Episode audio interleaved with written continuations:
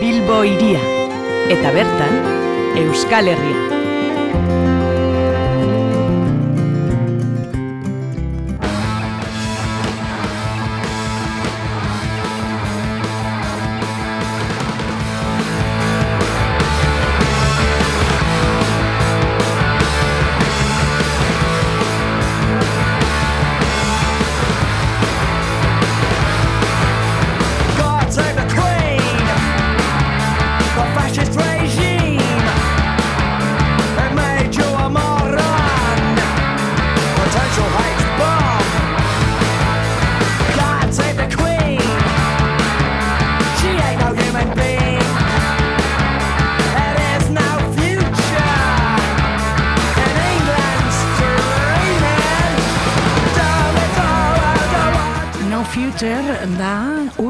Fest jaialdiaren amaikagarren edizioko goiburua. Asanoan zehar ospatzen ari da Bilbon, e, oikoa den bezala Urban Bat Fest, hiri fenomenoak behatzen ditu, astertzen ditu, beti ere gai baten enbueltan. Jaialdiak hiriaren errealitatea eta errealitate horrek zegatazka dituzten, ba, e, astertzen ditu, maigainan jatzen ditu, eta horiek ere disiplina ezberdinekin, ba, e, begiratzen dituzte edo disiplina ezberdinetatik. Urban Mart Fest jaialdiaren edizionen berri honen inguruan berba egiteko gorka daukagu telefonaren bestaldean, eguerdion gorka? Eguerdi hon, zer moduz. Eh, ondo, bueno, testu inguruan jarriko dugu, eta beti ere, eh, jaialdia, gai, tematika, testu inguru batean eh, jartzen duzue, eta urten, eh, Sex Pistol talde Britainiaren, ba, eh, Go Save the Queen hortan, no future hori ez, eh, hautatu duzu ez, torkizuna ez dugu, eta gaur egun ere oso argi ikusten edo ez? Hortik dator? Bai, bai, hortik dator era bat, ez? Gu, gu gainera oso musika zaleak gara, mm -hmm. eta lehen jarri duzue God Save the Queen abestia Sex Pistolsena. Eta hain zuzen ere, bueno, beraiek irurogeita margarren amarkadan e, momentuko amurruak eta desengainuak, mm -hmm. ba, nola baita artearen eta literaturaren eta batez ere, beraien kasuan musikaren bidez adierazten zuten, ba, momentu hortan kastentzako zori txarreko garai baten sartzen hasi ziren neoliberalismoa mm -hmm. indarrandiz eh, ezartzen ari zen orduan e, Britania handian eta beraiek nolabait ikusten zuten ez zeukatela etorkizun e, handirik sistema berri horretan, ez? Hain zuzen ere orduan hasi ziren lan baldintzak askoz ere prekarioagoak izaten, mm -hmm. izatearen e, estatua nolabait e, ba, bertan bera geratzen zen, etxe bizitzara ere... Txarbidea, bai ez?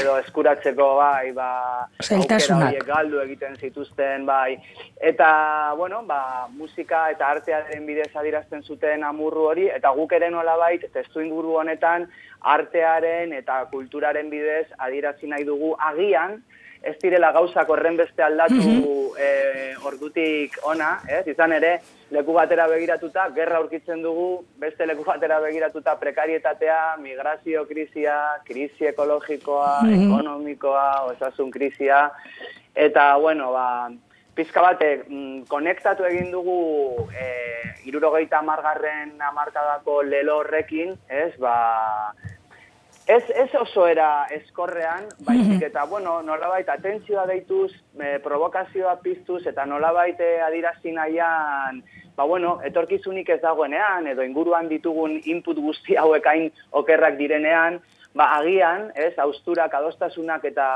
proiektzioak behar dituen etorkizun bat asmatu behar e, dugula, ez? Eta, bueno, zergaitik ez momentu hona izan daiteke, hain zuzen ere, ba, irudimena martzan jartzeko, etorkizun posible hori guztion artean eraikitzeko, ez? Hortik dator no future, ez? E, aurtengo, bueno, ba, burua, testu ingurua, ez? Atzera begira jarrita, baina, bueno, gaur egunekin ere baduela zeriku usia. Urban bat e, fest, e, ba, iaute oso batez lusatzen da, gorka, saia izaten da ere, e, bueno, ba, labur biltzea, ez? E, e, ze, gonbidatu asko e, parte hartzen du, maien guru eta bestelako ekintza asko ere egiten dituzue. Dagoeneko abiatu da, aurreko aste buruan ja e, izan dira ekitaldi batzu batzuk, eta batzuetan ikusi ditugu argazkiren bat edo beste, bai jendetzua izan dela, beraz, e, badu ez, e, keska jendeak ez? Bai, oso pozik gaude, aurten e, jende pilo bat urbilu delako hasiera hasieratik eta ba, horrek e, pozan dia ematen digu, ez? Eta gero bai, egia da, hilabete osoan zehar, ia, hilabete osoan zehar e, edatzen dela. Lehen hasieran egiten genuen jaialdia holan lau bost egun jarraian, mm -hmm. baina nekagarria zen eta gainera ez genuen holan e, denbora gehiegi ba, zetorren pertsonekin egoteko, mm -hmm. ez dena zegoelako gauza bat bestearen atxetik orduan, azken urteotan egiten duguna da, pizka bat, e, programa aste ezberdinetan zehar zabatu, mm gauza gutxi egin, ez? Igual azte burua datorrenean, eta lasaiago hartu, eta bai, horrela antelatzen dugu. Eta jende piloa, bai, gonbidatzen dugu. Bai, mm -hmm. ezagutzen duzu jaialdia, eta badakizu horrela. Bai. bueno, begiratuko diogu pizka bat geratzen denari, ez? Bai. oraindik ere, e, bada, bada, e, badira kontuak, ez aterako ostegunean, ez? E, asaroaren amarrean, e, baduzue ere. Aurten, bueno, aurreko urteekin ere, bueno, ba, hibrido bat ere egingo duzu, ez? Nahi dut, esan, e, bueno, bai. ba, biatutako online formatu horiek ere, oraindik ere, ba, jarraipena badu, naiz eta presentziala den e, batez ere, ez? Bai, bai, iaia ia guztia presentziala da, guretzat e, zuzenean harremanetan egotea oso importantea da eta eta espazio fisikoa norabait erabiltzea. Mm Baina begira, online egitearen ideia etorri zen e, pandemia garaian geundenean eta bueno, formatu hori aurkezpenak egiteko formatu hori mantendu dugu, ba, aukera ematen digulako mm puntu ezberdinetako jendea ba jaialdian parte hartzea, ba hola, desplazamenduan diri gabe, ez? Eta mhm. bai, eh, bihar daukagu... Hori da, bihar da, osteguna, bai.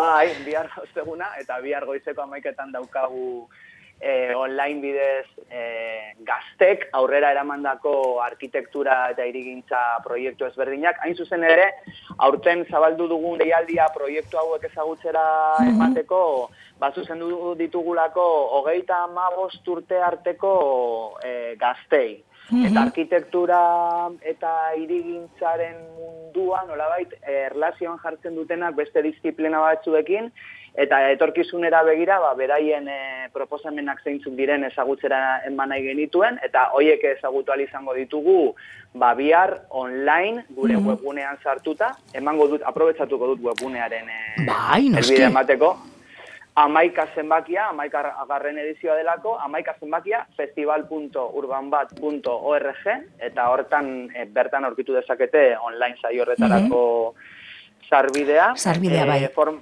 bai, harina izango da formatua, aurkezpen laburrak izango dira, sortzi proiektu aurkeztuko dira, eta, eta bueno, ba, etxetik ikus daitekeen ez, ba, ba hortxe aukera. E, gonbidapena hor dago. ez? Eta gero, arratzaldean, e, ja, fizikoki, etortzen da Uriel Foge, antiliburu dendara, berak idatzitako arkitektura del fin del, mundo, e, liburua aurkestera. Kasunetan formatu txikia da, lehen aipatzen zenuen nola jende asko ikusi duzun e, aurreko argazkietan, formatu txikiak ere gustatzen zaizkigu, ez, horre elkarrekin bero eta eta espazio txikietan egoteko, eta antiliburu dendan izango da, arratzaldeko zazpiter dietan.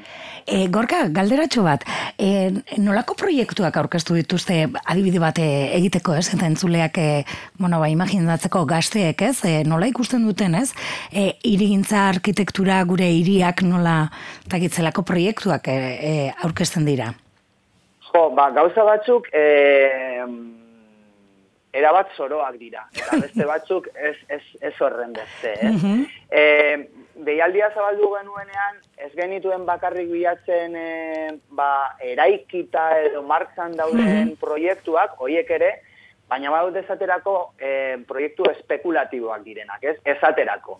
E, Ukrainiatik e, bidali digute e, proiektu bat, bai? eta proposatzen dutena Txernobil ingururako da, bueno, Txernobilen badago zonalde bat nun e, pertsonek ezin duten bizi oraindik, ez? Bai, bai, itxita dagoela, bai, bai. Bai, itxita dago, e, orduan e, egon zen e, ba, istriporretatik e, aurrera. Orduan, bertan bakarrik e, bizitzeko aukera erakusten duten animali bakarrak dira armi armak.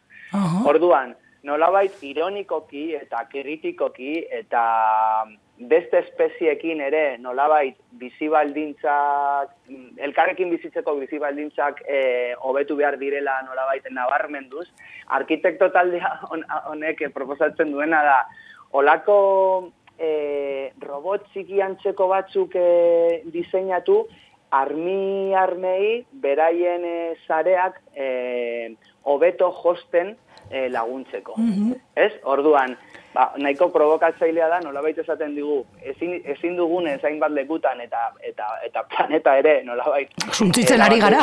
ari, bai, ari garen ez, agian aukera bakarra da animalientzako, ez, kasu honetan insektu edo armiak bentsako, ba, arkitektura lagungarri batzuk e, egiten hasi, ez. Hori izango litzateke, dakit, proiektu espekulatiboetako bat, baina gero badaude beste gauza batzuk oso politak direna, mm -hmm. esaterako Bartzelonan e, Wikihousing izeneko proiektu bat bai. e, abian dago, mhm. eta oso proiektu polita da, hain zuzen ere, gaztei etxe bizitzak modu merke baten eta hirien erdialdean e, ba, eraikitzen laguntzeko eta diseinatzen laguntzeko proiektu bat da. Mm -hmm. proiektu hau gauzatzen da, e, udaletxe, e, udaletxeak dituen e, e, espazio edo zoru publikoetan, ez? Berdinetan, mm bai, eta gaztek egiten dutena da, espazio hori kontutan hartuta, e, eta berrerabilitako materialak e, erabiliz, etxea diseinatu, eta eraikitzen lagundu. Mhm. Eta hori bai dela ja dagoeneko me, martxan dagoen. Martxan dagoen zerbait, ez? Bai, eta eraikitzen dagoeneko eraikitzen ari den e, proiektu bat da eta mendik e, denbora gutxi da bai, ja, e, bizitzen sartuko dira. Mm -hmm. Hor ikusten dugu argin, eh? esan, esan duzun bezala, ez? Artearekin ere zer ikusia dauka eta ausnarketarako ere ematen dute proiektuak, ez? Ba, gauza mm. batzuk egingarriak dira eta beste batzuk bide batez bakarrik da, ba, bueno, ez? E, e, bueno, ba, bizi dugun egoeraren inguruko hausnarketak egiteko, ez? Bai, hori da, hori da. Mm -hmm. Ez dakit, etorkizuna proiektatzen dugunean uste dute askoz ere kreatiboagoak eta ikitimena eraman behar dugula oso modu azkean beste leku batzuetara, ez? E, bestela, azkenean, lehen gogunean esaten zuen e, e, jaialdiaren irekieran, ane abarrategik esaten zuen, asko kostatu zitzaidan gauza bat, dela etorkizuna proiektatzen dugunean nolabait e, politikoki proiektatzen dugula, ez? Eta beti mm proiektatzen dugu e, nahiko modu kapitalista fordistan, ez? Mm Pentsatzen dugu etorkizunean, ba, etxe horratxetan, egaz egiten duten kotxetan, etxe zer ekartzen dizkiguten dronak daude, espaziontziak, baina hori azken batean, berak esaten zuen dela e, gaur egungo sistemaren garapen bat, ez? Bai. Eta, jo, askoz ere, argiagoak, ausartagoak izan behar garela beste etorkizun posible bat eh, imaginatzen dugunean, ez? Mm -hmm. Interesgarria ausnarketa bai. Bueno, hola, bai. errepasoa egitez, e, e, hori ostegunean izango zen, gazteen aurkezpen horiek online dagoela, eta ja, mu batzuk bota ditugu, arratzaldean antin egingo duzu eitzordua, Eta gero, e, egia da, la terminal duzuela, ez? E, leku edo egoitza bezala, naiz eta bilborroken ere egin dituzuen gauzak. Mm. Bai, bai, e, la, la terminal asko gustatzen zaigun espazioa da, hain zuzen ere, ez dakit, guri buruz uste dut asko egiten duela, ez? Azkenean mm-hmm. da, bueno, ba, beste erabilera batzuetarako, berre erabilitako industria eraikin bat, eraikin e, oiek mantendu beharra ere nolabait defendatzen dugu, ez? Oroimen industrialaren e, babesa ere nola bai defendatzen dugun, eta al, bezalde batetik oso espazio polita da mm berdinak egiteko. Bertan daukagu esposaketa bat montatuta, lehen aipatutako proiektu horiek zira bakarrik online aurkezten baizik eta bueno, esposa, esposaketa baten e, ah? bertan daude, la mm terminalen, eta ikusgai daude ba, e, festivala bukatu arte, eta bueno, ba, espazioak ematen digu aukerazko gauza gauza ezberdinak egiteko. Bai, et, baina beste leku batzuetan ere bagaude, eh? Anti Bilborroken egin dugu dagoeneko eh irratsaio show bat bai. eta Kunstalen ere egiten dugu beste olako tailer bat. Bueno, leku ezberdinetan gaude, baina egia da la terminaldera egoitza lanen nagusiena. Bai, ez? Eta gaitegia, ba, bueno, e, hor la terminalen asteburuetan izango duzu itzordua, ez? E, ba, larun batean mm. ezaterako, urrengoan ere, e, urrengo estugunean barkatu, ez? Ez, antin izango da, ela terminalen ostiralean, ez? Eta gaitegia, ba, pizka bat denetarik ere, ez? Klima aldaketa ere oso presente, ez? Bai, total, claro, bai, hori da eh, gaur egungo kezke kezka nagusietako bat, ez? Mm-hmm. Eta horri buruz e, e, hitz egin behar dago. Hain zuzen ere arkitekturak eta irigintzak badaukatelako Baukala zenrizanik ere, ez, ez, asko? Ba, era, erantzunkizuna eta eta eta aukerak edo alternatibak eskaintzeko e, erak ere badauzka, ez? Orduan, bueno, interesgarria da horri buruz ere hitz egitea bai jakina. Mm e, iri digitalen inguruan ere e, hitz egingo duzu, ez? E, hori ere, mm. Kasi, kasi, pelikulatako kontua iruditzen zaigu, baina, bueno, existitzen dira, ez?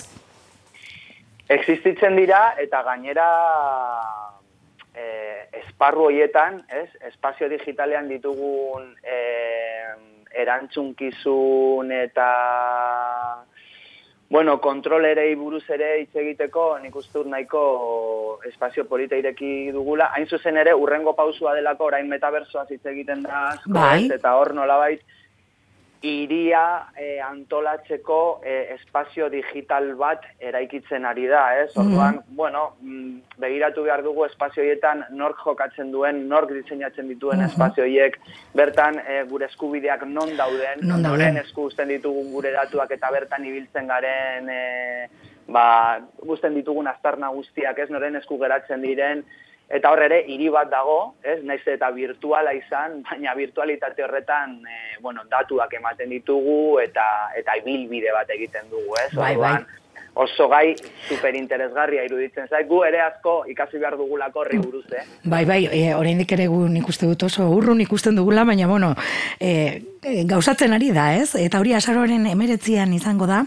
E, Gonbitea lusatuko diegu aipatu bezala entzuleari, webunetik e, e, pasatzea horre egitara guztia dago, e, non den kontu guztiak, e, izan ere, basaia egiten zaigu ez, dena zehazten joatea, baina bai, e, bueno, aipatu nahiko genuk ere, gero hor, e, webunean ere, jarri duzu hor ataltzo bat, filminean, e, bueno, Gai honen bueltan topatu daitezkeen eta ikusgai dauden pelikula eta dokumental eta ia zan oso interesgarria ze hori bai ja norberak etxean nahi duenean ikusi dezak ez eta benetan e, aukerak eta polita egin duzuela. Ba, eskerrik asko. Bai, e, aspaldi genuen ideia hau eta mm. filmin oso eskuzabala izan da kasu honetan ba, ere espazio bat izateko. Eta bai, egia zan, e, bueno, garai ezberdinetako pelikulak bildu ditugu, batzuk nahiko distopikoa, bai? beste batzuk e, utopikoak ere direnak, eta gero, bueno, ba, dokumentalak ez, nola baite realitatearekin, bizi dugun realitatearekin e, harreman zuzenean jartzen gaituenak, eta sensibilizazio nahi puntu hori duten e, pelikulak dira. Beraz, bai, oso zinefiloak gara, lehen musika zaleak ni haipatzen dizun, azine ere asko gustatzen zaigu, eta honek ematen digu aukera, ba, bueno, zail, e, ba, aukerak eta bat egin, eta bakoitzak etxetik ere, ba, ikus ditzala horlako pelikulak ez. Bai, eta puntatzeko, ez, ba, gutxienez orain ez baditut ikusiko, ba, hauek, e, titulu hauek interesgarriak bai. izan aldira, ez, gai, bai. gai honen bueltan da, e, dabiltzanak.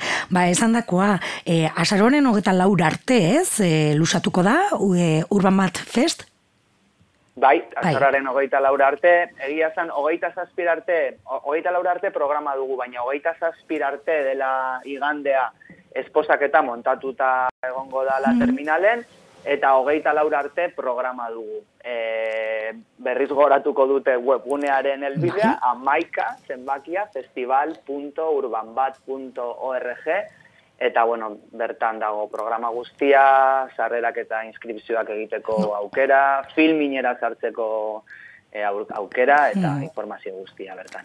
Ba, hauek esan da, eskartu dingo dizugu, eta esan dakoa, ba, hor txamua bota diegu entzulei e, interesa badute, ba, gai potolo eta asko landuko dituzu egun hauetan, e, eta hortxe, e, esan dugun bezala, amaikafestival.urbanbat.org webunean informazio guztia.